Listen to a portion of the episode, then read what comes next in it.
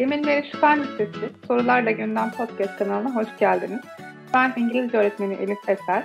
Bugünkü yayında bana yardımcı olacak arkadaşlarım Necati Emir ve Yağmur. Hoş geldiniz gençler. Hoş bulduk. Ve konuğumuz çocuk Hoş ve ergen psikiyatri uzmanı e, Melih Nuri Karakurt. Melih hoş geldin. Merhabalar Elif, Ee, hoş bulduk.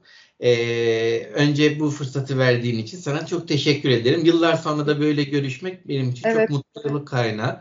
Evet, Ee, benim için de. Çok güzel bir tesadüf çok oldu bu buluşma. Uzun yıllardan beri arkadaşlığımız var. Ta çocukluk arkadaşlığı bile diyebiliriz.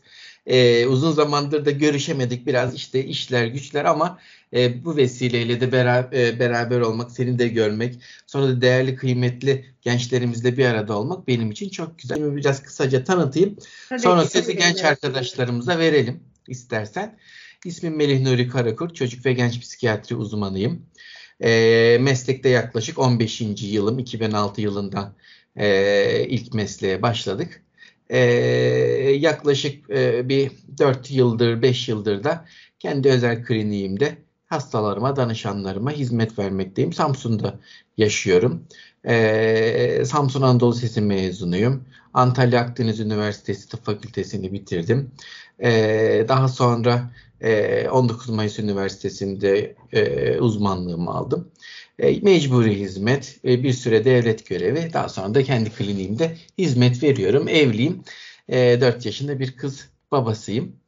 Eee, böyle gençlerle bir arada olduğumuz sohbetlere de özellikle pandemi öncesi böyle bire olduğumuz sohbetlere de özellikle pandemi öncesi böyle birebir katılıyorduk. Yüz yüze katılıyorduk. Onlar çok daha güzel oluyordu. Açıkça söyleyeyim, her şeyi itiraf edeyim ama teknolojinin nimetleriyle birlikte pandeminin de bize öğrettiği şekilde böyle online toplantılar da gayet güzel oluyor. Alıştık yani bunlara.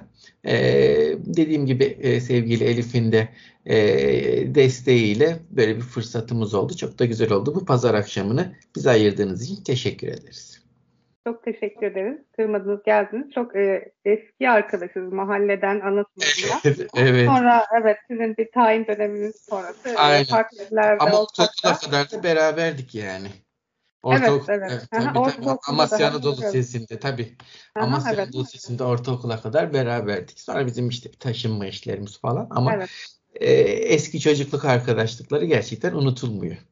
Evet bizim dönem Arkadaşlıkları gerçekten unutulmuyor. evet bizim dönemimizin en büyük avantajı bu. Kaldığımız yerden devam edebiliyoruz araya zaman Evet. bile. Evet. Peki çok teşekkür ediyorum Melih. Ee, ben sözü öğrencilerime devrediyorum. Onlar e, birkaç soru hazırladılar. Merak ettikleri birkaç konu var. Ee, arkadaşlarından da e, sorular aldılar. Ben sözü devrediyorum. Evet Yağmur senle başlayalım. Merhaba hocam. Merhabalar. Yağmurdu değil mi? Evet hocam. Heh, Yağmur. Peki. Merhaba. Hocam bizim yaş aralığımız aslında biraz sıkıntılı bir dönem. Biraz sıkıntılı bir yaş aralığı. 14-18 yaş aralığı. Ve bu dönemde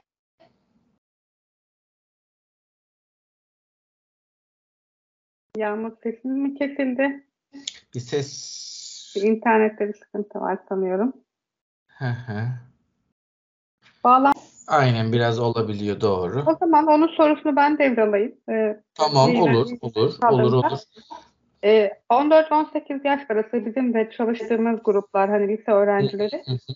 E, okul döneminde o eğitim hayatında yaşadığı sorunlar, e, sıkıntılar ileride hayatlarını nasıl etkiler?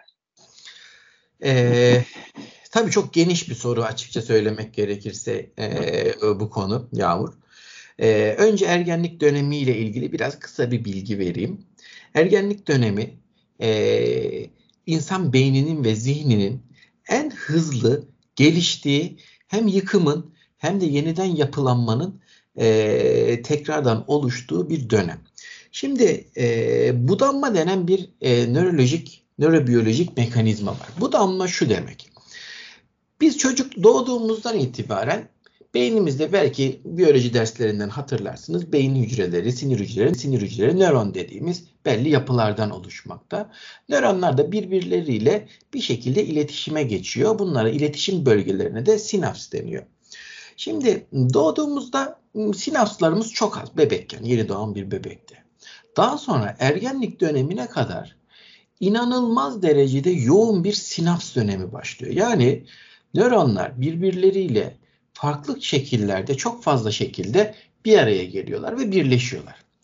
Bu 12-13 yaşa kadar devam ediyor bu sinapsların artışı, artışı, artışı. Ve 12-13 yaşından itibaren kızlarda biraz daha erken, erkeklerde biraz daha fazla yani ergenlik dönemiyle birlikte budanma denilen bir olay ortaya çıkıyor. Budanma şu demek. Kullanılmayan, fazla olan ya da bir şekilde genetik olarak kodlanmış bir takım nöronların ve sinapsların yıkım ve sinapsların yıkılması. Yani beynin yapısı yeniden şekilleniyor. Ben hep şuna benzetiyorum bunu. Çocukluk döneminde bir heykeltıraş ha, e, ham maddeyi, malzemelerini birleştiriyor. Ergenlik dönemi heykelin şeklinin verildiği dönem.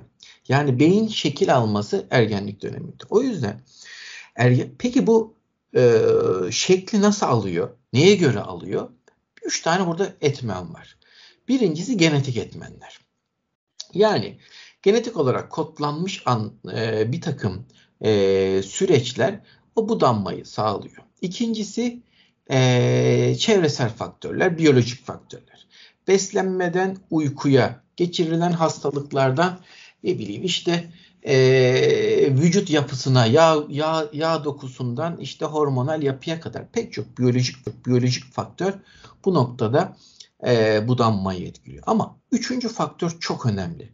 Üçüncü faktör ise çevresel yaşam olayları. Bu çevresel yaşam olayları iyi ya da kötü ne kadar fark ederse bu budanmayı etkiliyor. Budanma beyin yapısını etkiliyor ve beyin yapısı da bundan sonra ömür boyu sürecek o kişilik e, yapısını e, ortaya koyuyor. E, o yüzden 14-18 yaş ya da ergenlik dönemi diyelim buna bizim için çok önemli. Yaşanılan iyi olaylarda, kötü olaylarda e, direkt beynimizi etkiliyor. Beyin yapımızı etkiliyor, beyin şeklimizi etkiliyor, beyin hacmimizi etkiliyor, sinapslarımızın doğru bağlanıp bağlanmamasını etkiliyor ve bu e, ileriki dönemdeki hayatımızı e, etkiliyor değil, hayatımızı belirliyor. Yani direkt belirliyor. Nasıl bir insan olacak, psikiyatrik hastalığa sahip olup olmayacağımızı e, e, tutumlarımızı, davranışlarımızı, duygularımızın hepsini etkiliyor. O yüzden ergenlik dönemindeki yaşanan çevresel olaylar kişinin hayatını etkilemez, hayatını belirler. O kadar etkilidir. Çünkü beyin yapısını ve sinaps yapısını etkiler. O yüzden bu biyolojik anlamda, e, görüntüleme anlamında da gösterilmiştir, yapılandırma gösterilmiştir.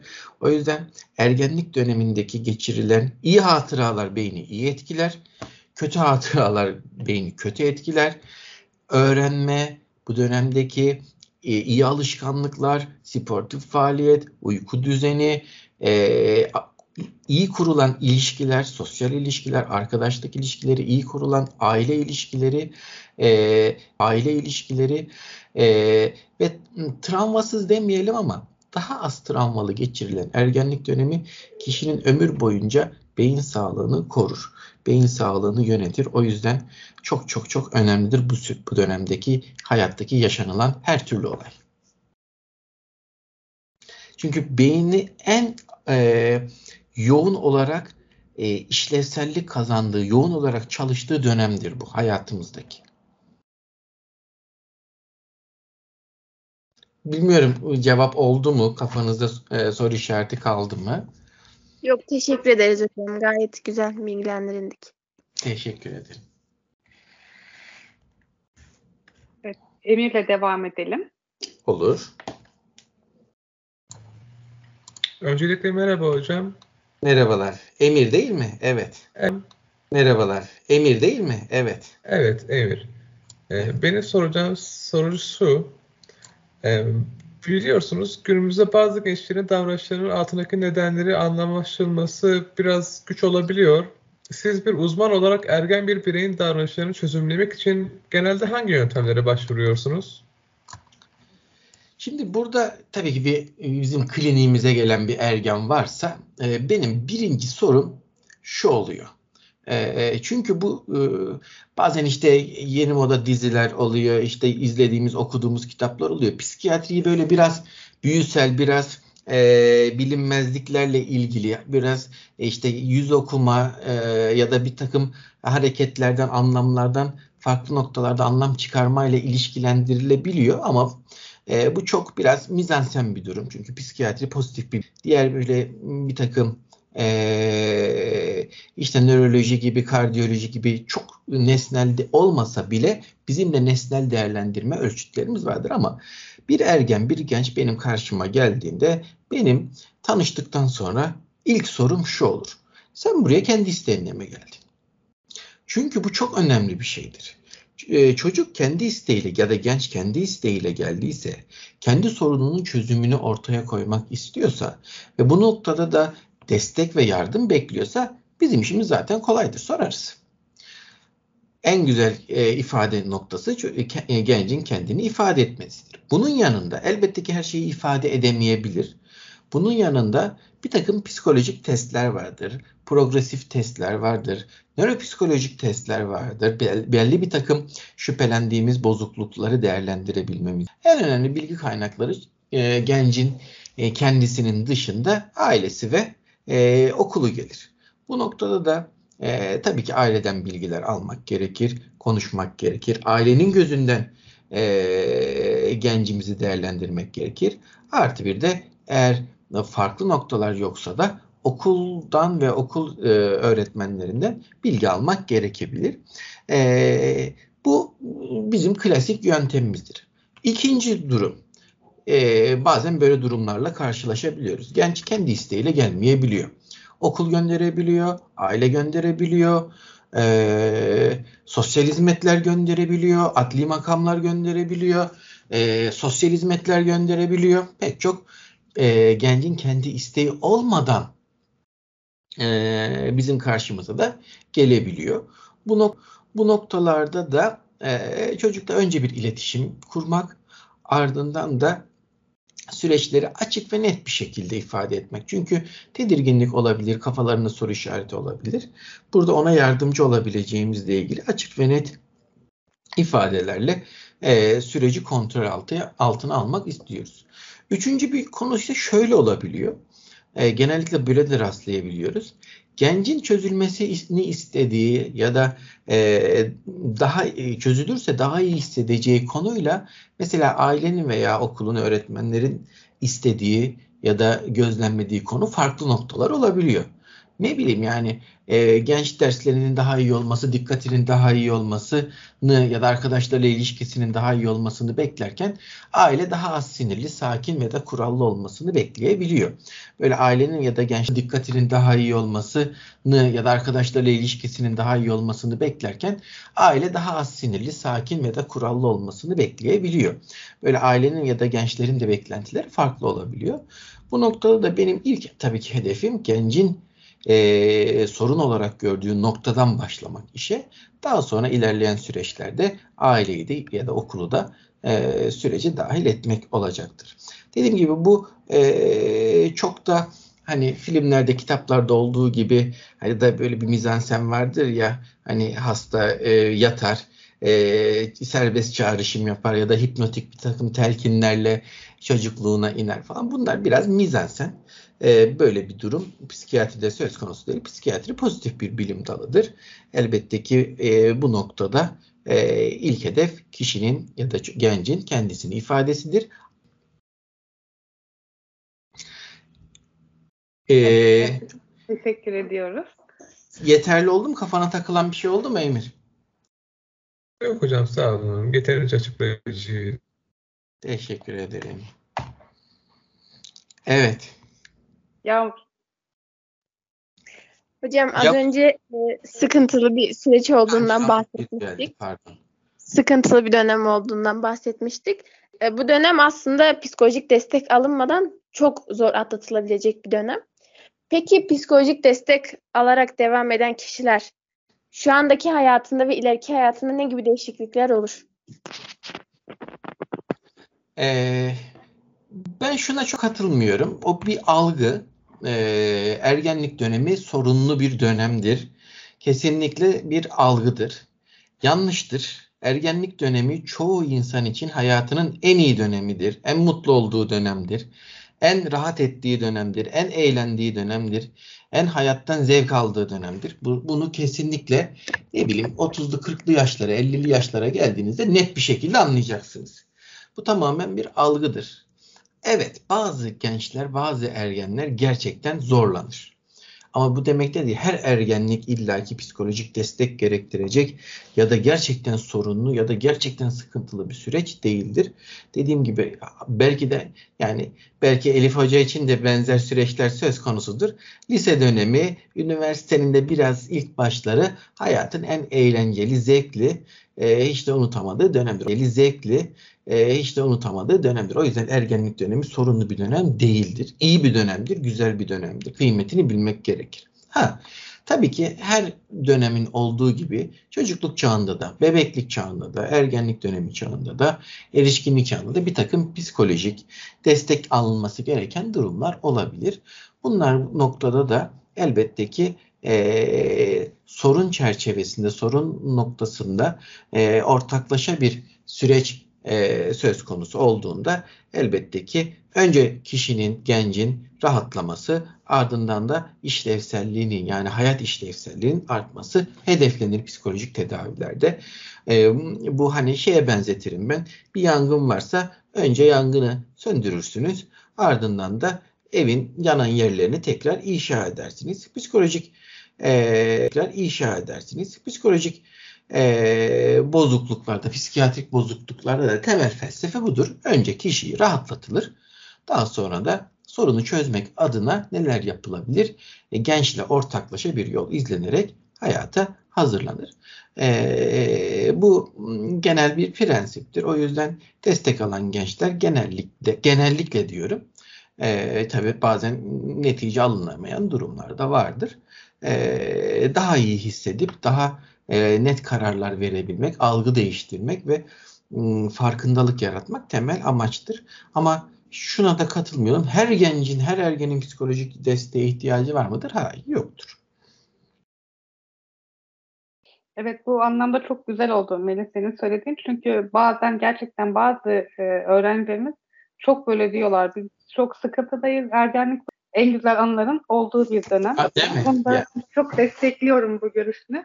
Yanlış Kesinlikle. bir algı olduğunda kesinlikle katılıyorum. Bu biraz algısal bir şey. Aynen kesinlikle yoksa ergenlik dönemi çok eğlenceli, zevkli, tadının çıkarılması gereken bir dönem. Evet Emir sendeyiz. Tabii ki hocam. Benim soracağım ikinci soru ise ergenlerde sizin de bildiğiniz üzere son zamanlarda dikkat artış, dikkat eksikliği bir artış içerisinde. Bu artışın sebebi bizim teknolojiyle çok fazla iç içe olmamız mı ve bunu azaltmak için neler yapabiliriz? Ee, öncelikle şunu şu ayrımı yapmak gerekiyor. Dikkat sorunu ya da dikkatle ilgili bozuklukların e, bozukluklarla dikkat eksikliği, hiperaktivite bozukluğu dediğimiz olmak lazımdır. Çünkü e, dikkat eksikliği, hiperaktivite bozukluğu dediğimiz hastalık, psikiyatrik hastalık e, genellikle 7 yaş ve öncesinde başlayan e, kişinin, ailenin, e, çocuğun hayatını çok olumsuz yönde etkileyen e, genetik ve nörobiyolojik e, tabanı çok net olarak belirlenmiş bir nöro gelişimsel bir bozukluktur.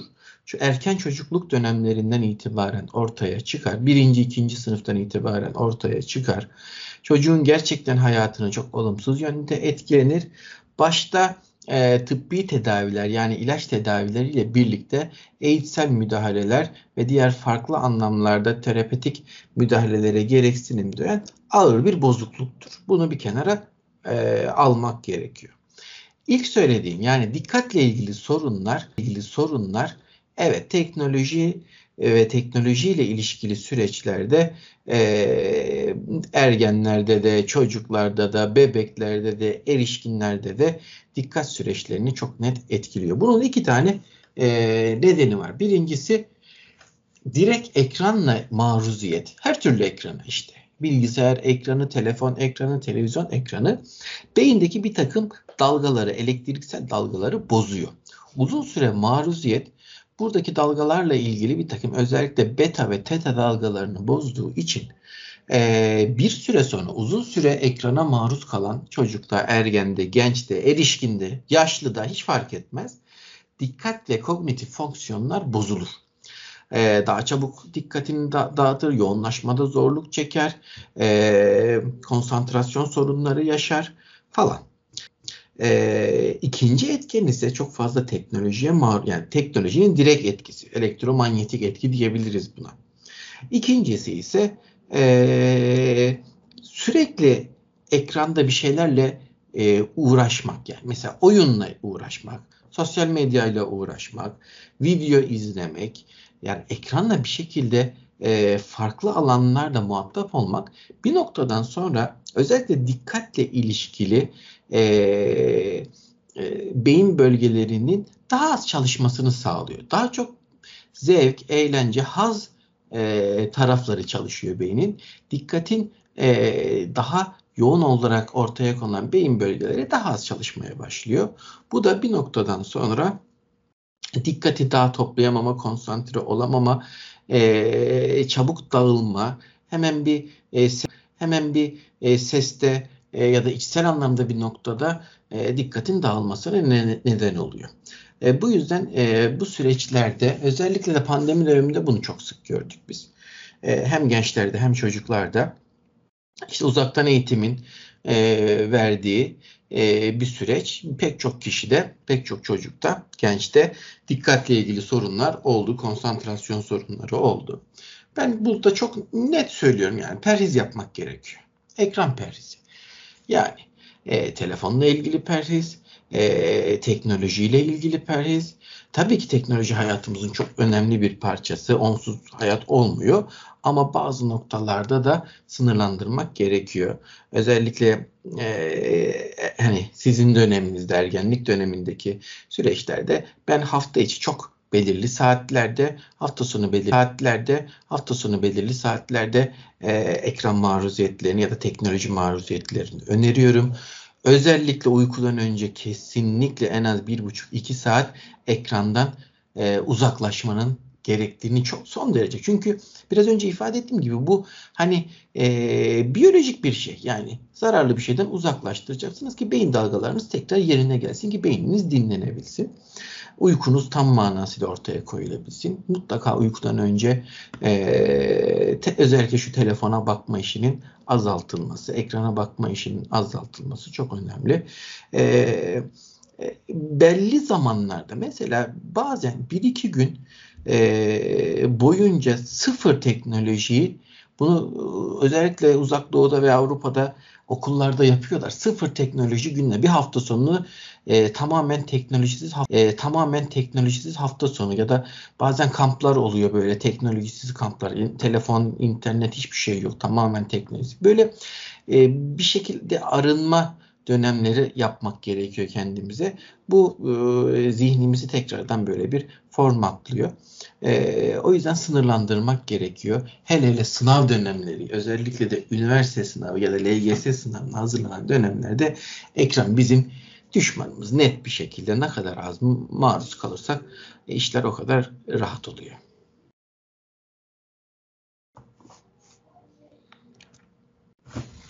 Emir ikinci soru oldu herhalde. Evet hocam istediğin cevapları alabilirim. Şeyde, sorulardan sonra bir geri bildirim verirseniz arkadaşlar okey tamam falan gibi ya da eksik olan bir şeyler benim için e, daha yoksa biz otururuz konuşuruz sabah sabaha kadar zaman evet. var. Ya. Dış görünüşümüzde alabildiğimiz köklü değişiklikler olabiliyor. Peki daha sonrasında kişi ileriki hayatında bu değişikliklerden pişmanlık duyar mı? Eee bu çok psikolojik değil de bir felsefik bir soru bence. Çünkü insan pişman olur mu? Ya da pişman olmalı mı? Pişmanlık nasıl bir duygu? Bence burada buradan yaklaşmak gerekiyor e, sürece. E, ben de şöyle bir soruyla karşılık vereyim. Pişman olmayan insan, yani bir karşınıza geldiği bir insan 35-40 yaşlarında ben hayatımda hiç pişman olmadım dedi. Ben bu insanla ilgili ne düşünürüm? İki şey aklıma gelir. En başta. Birincisi klasik e, yalan söylüyordur. Çok doğru ve dürüst bir durum değildir. İkincisi ise en başta. Birincisi klasik e, yalan söylüyordur. Çok doğru ve dürüst bir durum değildir. İkincisi ise bu insanın e, kendisiyle ilgili analiz ve sentez yeteneklerinin tam olarak oturmadığını net bir şekilde söyleyebilirim. Arkadaşlar pişmanlık e, gayet olağan ve e, olması gereken bir duygudur. Hayatımızda milli, çoğu kez pişman oluruz. Pişmanlık duyarız. Keşke yapmasaydım deriz. Yanlışlarımızı ortaya koyarız. Şurada şu hareketi yapmakla çok yanlış yaptım deriz. Bu gayet hayatın akışının içinde olan bir duygudur. Önemli olan pişman olmak değildir. Pişmanlığımıza takılmaktır ya da oradan bir ders çıkartmayıp aynı hatayı tekrar tekrar yapmaktır. Önemli olan budur. Yoksa pişmanlık bir duygudur. İnsan duygularını kontrol edemez. Bence pişmanlık güzel, pişmanlık güzel bir duygudur. Pişman olan insan kendisinin farkına varıyordur, hatalarının farkına varıyordur, kendisiyle ilgili bir e, iç hesaplaşmaya giriyordur, analiz ve sentez yapıyordur. O yüzden pişmanlık kötü bir duygu değildir. Kötü olan pişmanlığa takılmaktır. Oraya saplanmaktır, ileriye gidememektir, oradan ders çıkaramamaktır. Çok güzel özetledin bence. Yani ergenlikte alınan ses geldi. Ergenlikte bazen gençler herhalde şunu sormaktadır. Ergenlikte aldığınız bazı kararları ileride pişman olur muyuz? Yani gençler e, her yaşta aldığınız karardan bence pişman olabilirsiniz ya da keşke yaptım diyebilirsiniz. Kesinlikle. Çok güzel açıkladın Melih bu konuyu. E, bu zamana kadar sordukları sorular aslında biraz daha kendileriyle böyle kendi yaş dönemleriyle ilgili, ergenlikle ilgili. E, biraz da böyle daha genele yayılmış şeyleri merak ergenlikle ilgili.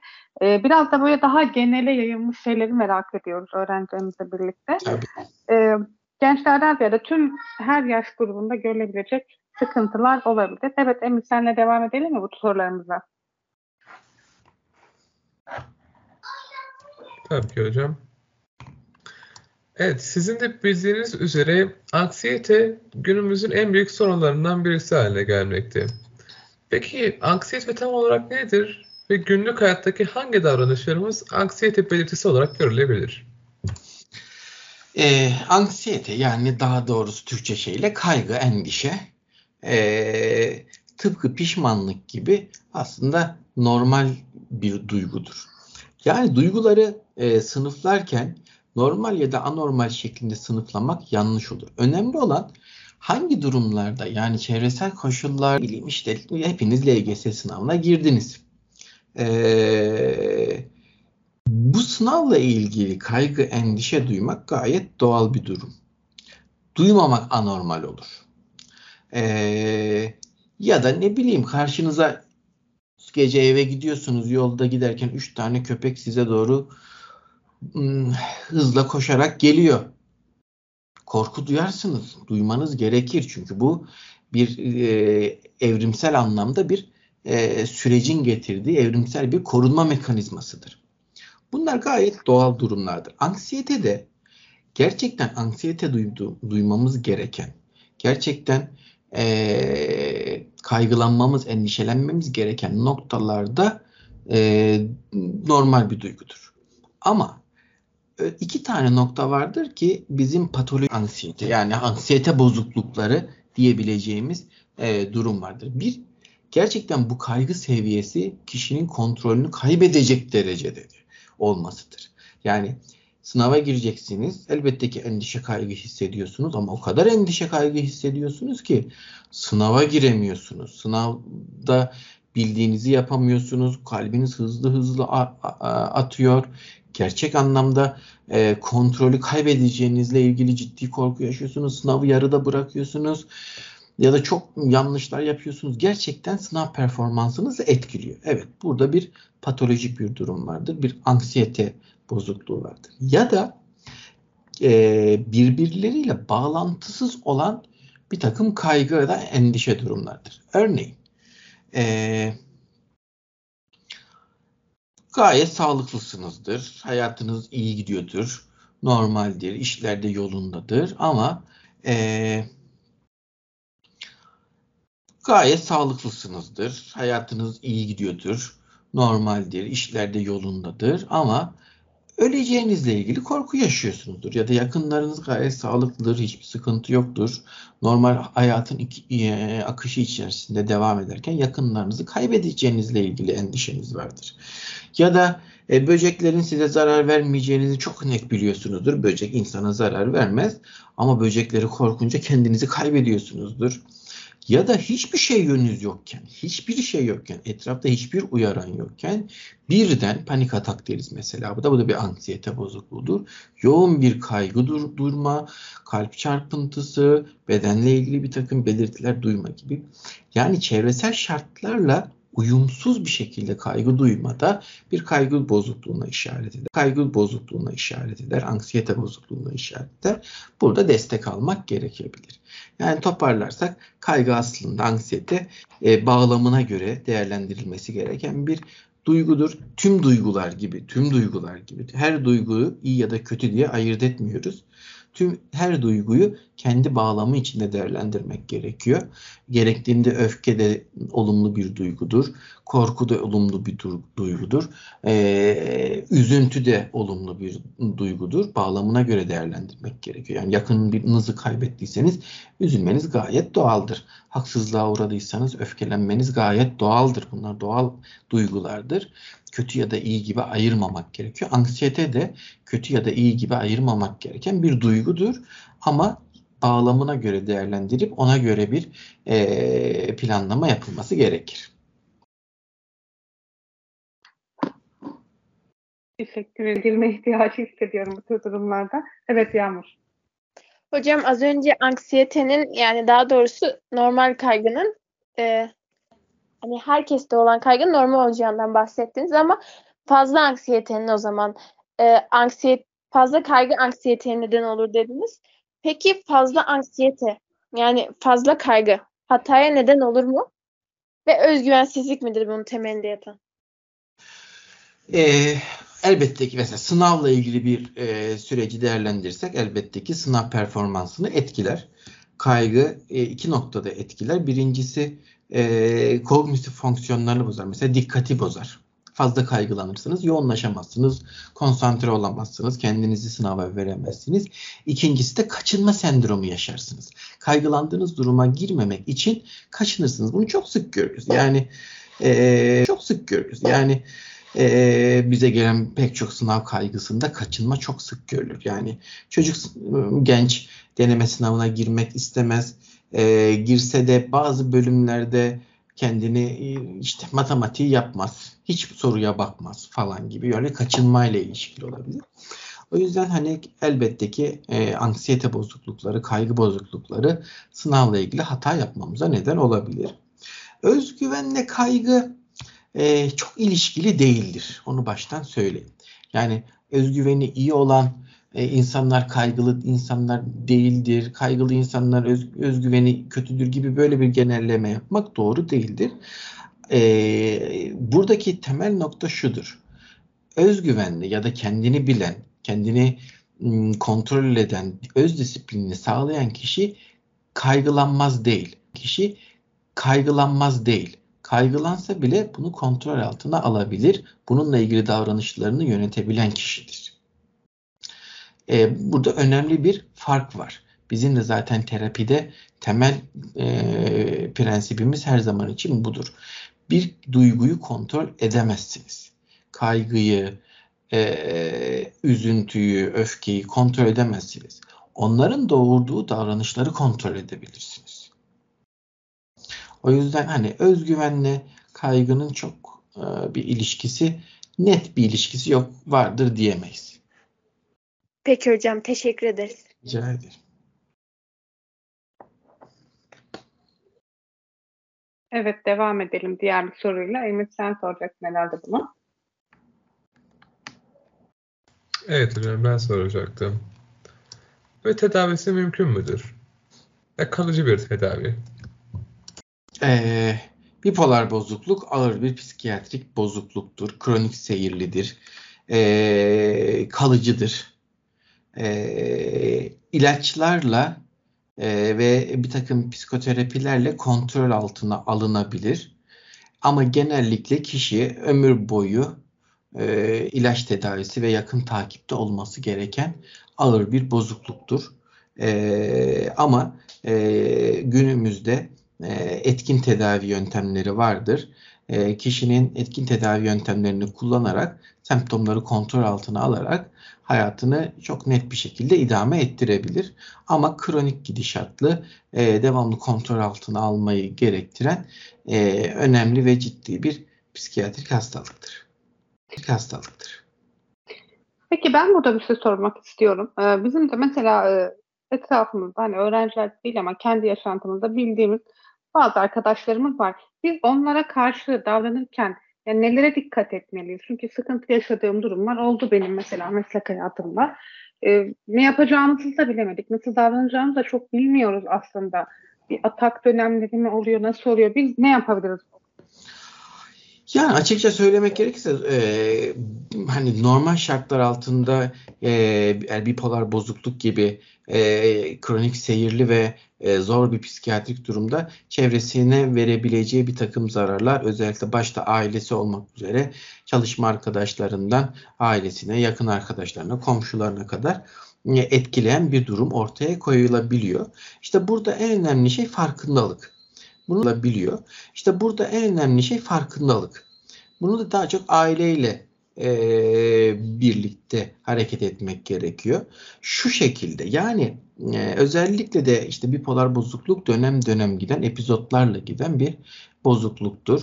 E, epizotları iyi bilmek, öncüllerini iyi bilmek, neler tetikliyor, hangi yılın hangi dönemlerinde epizotlar başlıyor. İlk başladığında mesela klasiktir uykusuzlukla başlar nöbetler e, uykusuzluklar başlayınca ha işte acaba nöbet geliyor mu gibi bir takım e, e, belirtilerle e, uyanık olmak ve e, bunu bir şekilde ya kişinin ailesine ya da kişiye de e, eğer içgörüsü iyi ise söylemek e, gerekiyor. Zaten işin temelinde de psiko eğitim dediğimiz bu durum söz konusudur. İş biraz başladıysa bu durum söz konusudur. İş biraz başladıysa ve nöbet başladıysa e, bir süre e, bizim bir takım telkinlerimiz ya da sözel bir takım ifadelerimiz e, maalesef ki çok işe yaramayacaktır. Çünkü o esnada kişi kendi dünyasında ve hani kontrol biraz kaybolmuş durumdadır. O yüzden orada daha profesyonel yardım almak gerekir.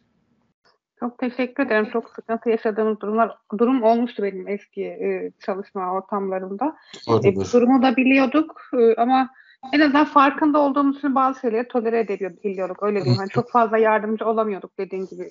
Zaten uzman desteği alıyordu. Hı hı. Teşekkür ederim. Benim için de faydalı bir açıklama oldu bu. Ben teşekkür ederim.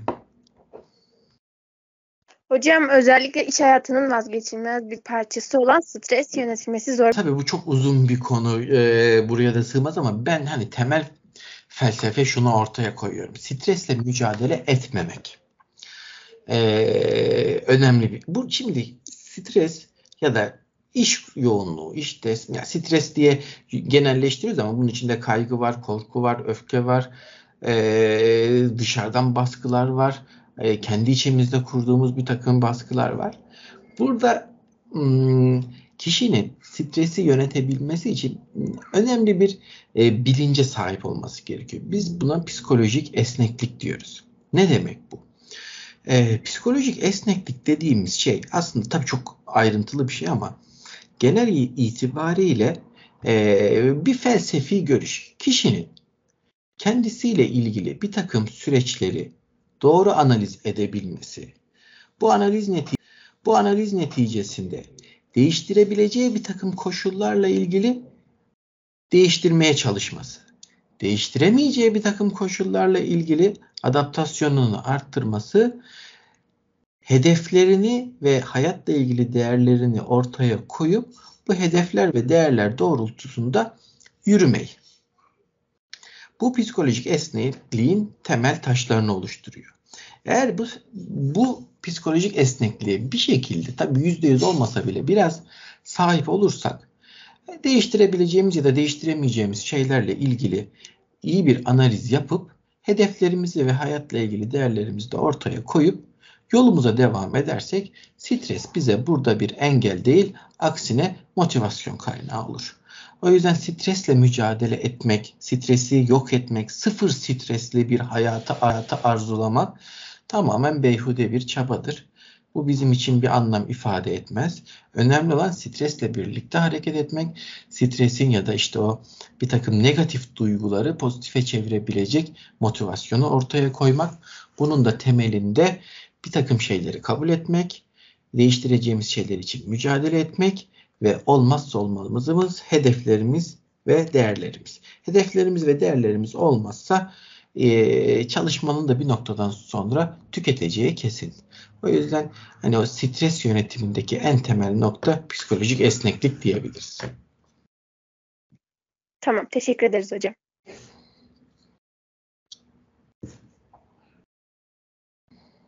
Evet. Evet hocam. Şimdi benim sıradaki soru evden çıkmadan önce Evet. Evet hocam. Şimdi benim sıradaki soru evden çıkmadan önce takıntılı bir şekilde ocağı ve pencereleri kontrol etmek, temizlik yaparken tekrar tekrar aynı yeri temizlemek gibi davranışlar obsesif kompulsif bozukluğa işaret eder mi? Ve obsesif kompulsif bozukluk bazı insanlara olan aşırı takıntı şeklinde de kendine gösterebilir mi? Ya ilk sorununuz kesinlikle işaret edebilir ama kesinlikle obsesif kompulsif bozukluktur diyemeyiz. Bu çünkü e, farklı evreleri olan, farklı e, tanı kriterleri olan bir durumdur. Ama elbette ki ha şöyle diyebilirsiniz. Her çıkarken ben bir kere erken zorlanıyorsanız, işinize geç, okulunuza geç kalıyorsanız, çıktı kontrol ettiniz, çıktınız ama hala aklınız evdeyse ya kapatmadıysam ya açık kaldıysa ya kafada bir şey. Yani bu iş normal standartların dışına çıktıysa, hayatınızı olumsuz yönde etkiliyorsa, yaşamınızla ilgili ciddi anlamda bozukluklara yol açıyorsa, sizi de rahatsız ediyorsa evet bu durum obsesif kompulsif bozukluğa işaret edebilir. Bir uzmandan destek almak e, gerekebilir. E, evet bazen obsesyonlar çok çeşitli olabilir. Yani sırf kontrol etme, temizlik ya da biriktirme şeklinde olmaz. E, saplantılı düşünce, e, perseküsyon diyebileceğimiz tanrısal düşünce e, gibi e, insanlara karşı bir takım saplantılı düşüncelerle de e, devam edebilir. Bunun bir takım dereceleri vardır. E, birincisi işte obsesyonlar diyebileceğimiz kişiler hakkında saplantılı düşünce. Bunun ileri safa düşünce, bunun ileri safhaları işte e, psikotik düşünceler gibi e, tamamen e, kişiye perseküte olma dediğimiz işte m, paranoya e, ifade edebilecek bir takım düşünce bozukluklarıdır. Evet bazen böyle de gözlenebilir obsesif kompulsif bozukluk. Aslında Melih şey diyeceğim böyle herkesin böyle basit takıntıları vardır sanki hayatta. Aynen. İşte yok hep iki kişi yürürken hep solda yürümek gibi veya Evet. hep bir sınavda aynı kalemi kullanmak gibi. Bunlar, Bunlar basit takıntılar mı acaba? Tabii, tabii tabii. Bunlar basit ritüellerdir. Bunlar e, anormal olarak, bozukluk olarak e, sayılmaz. Bozukluk diyebilebil, diyebilmemiz için dediğim gibi kişinin hayatını çok olumsuz yönde etkilemesi ve kişinin bundan ciddi anlamda rahatsızlık duyması gerekir. Evet yoksa bu tür küçük bozukluklar e, hayatımda belki renklendiriyor. E, hayatımda belki renklendiriyor. Ben öyle düşünüyorum. Tabii tabii tabii tabii. Bu çoğu kişide olabilen bir takım ufak tefek ritüel ya da takıntılar gayet de olabilir. Hocam Evet son teşekkür ederim. Ee, sosyal fobi aslında çok karşılaştığımız bir durum. Özellikle bizim arkadaşlarımızda gözlemlediğimiz ya da bazen kendimizde gözlemleyebildiğimiz. Özellikle pandemi döneminden sonra artan e, kişilerin çekinmesi, sosyal ortamlardan, içe kapanıklık gibi gözleyebildiğimiz durumlar oluyor. Peki sosyal fobiyi nasıl yenebiliriz? Yani bu durumun bir çözümü kesin olarak var mıdır? Sosyal fobi çok evet ergenlerde en sık gördüğümüz kaygı bozukluklarından birisidir. Gencin hayatını çok olumsuz yönde etkiler, performansını ortaya performansını derken sadece okul performansını e, olarak algılamayın. Arkadaşlık ilişkilerini, aile ilişkilerini, e, okul başarısını, öğretilerini, partneriyle olan ilişkilerini, her alandaki ilişkilerini etkileyen önemli bir bozukluktur. E, çok ağır vakalarla karşılaştığımız durumlar oluyor. Pandemi kesinlikle haklısınız. Pandemi bu süreci arttırdı. E, kişiler ister istemez e, hani şu sosyal mesafeyi sosyal inhibisyon olarak algıladık ve sosyal anlamda içimize kapandık. Herkes kendi dünyasını kurdu, kendi konfor alanını ortaya koydu e, ve sosyal anlamdaki bu e, kaygı ve e, bozukluklar, fobiler sık olarak görülüyor ergenlik döneminde. Birincisi tabii farkındalık burada en önemli konu. E, kişinin bu durumu fark etmesi, bu durumun geçebilen, yenilebilen bir durum olabileceğini bilmesi. Bununla ilgili bir farkındalık olmazsa e, bu çok çözülebilecek bir şey değildir. Farkındalıkla başlamak gerekiyor. Farkındalıkla başlamak gerekiyor. E, biraz zorlamak gerekiyor bazı konularda. O kaygıyı algılama, kaygıyı hissetmek, kaygıya rağmen bazı şeyleri yapabilmek adına kendimizi orada zorlamak gerekebiliyor. Yani sınıf önünde konuşmak o zaman çekin kötü hissetmemize neden oluyorsa bunu fark edip özellikle sınıf önünde konuşmaya çalışmak ya da ne bileyim e, alışveriş merkezinde tuvalete gitmek zorluyorsa özellikle orada gitmek ya da ne bileyim yabancı biriyle konuşmak sizi zorluyor ve kötü hissediyorsa e, özellikle bunu e, üstüne gitmek gibi maruz bırakma yöntemleri ilk başvurulan yöntemlerdir. Ama bunlara rağmen e, kişi, genç e, bunları aşamıyorsa, gerçekten bunlarla ilgili ciddi sorunlar yaşıyorsa çok beklemeden profesyonel destek alması gerekir. Sosyal fobinin e, hem sosyal fobinin e, hem terapi anlamında hem medikal tedavi anlamında e, tedavisi mümkündür. Çok da güzel netice aldığımız bir durumdur. Hocam çok teşekkür ederim. Öncelikle size ve Elif Hoca'ya kendim adına, arkadaşlarım adına ve okulun Cemil Fen adına bizi bayağı önemli konularda bilgilendirdiğiniz, zamanınızı ayırdığınız için çok teşekkür ederiz. Ben teşekkür ederim. Elif'e de buradan e, çok teşekkür ediyorum böyle bir fırsatı bana verdiği için. E, çok kıymetli sorulardı, çok güzel sorulardı. Çok beğendim gerçekten. E, zaman olsa e, uzun süreler konuşabilsek böyle çok da zevk aldığım bir süreç. E, umarım faydalı olmuştur. Bu pazar akşamını bizlerle geçirdiğiniz için teşekkür ederim. Evet, biz de teşekkür ederiz hocam. Teşekkür hocam. Çok faydalı oldu. Ben de çok teşekkür ediyorum. Yağmur ve Emir size e, ve Melih sana çok teşekkür ediyorum. E, öğrenciler adına bir şeyler yapıp öğrenciler adına bir şeyler yapabilmek için uğraşıyoruz. Öğrencilerimiz e, bilinçli öğrenciler ama e, yani herkeste olduğu gibi bizlerde de bazen böyle zora düştüğümüz durumlar, sıkıntılarımız oluyor. E, bir nebze e, öğrencilerimizin ve dinleyecek olan velilerimizin e, sorunlarına e, çare olabildiysek veya ufak aydınlatabildiysek ne mutlu bize. Tabii. Evet ben bir kapatayım programımızı. Ee, çok teşekkür ederim tekrardan sana da. Benim Meclis Fen Lisesi Sorularla Gündem Podcast kanalında bugün çocuk ve ergen psikiyatri uzmanı Melih Nuri Karakut'la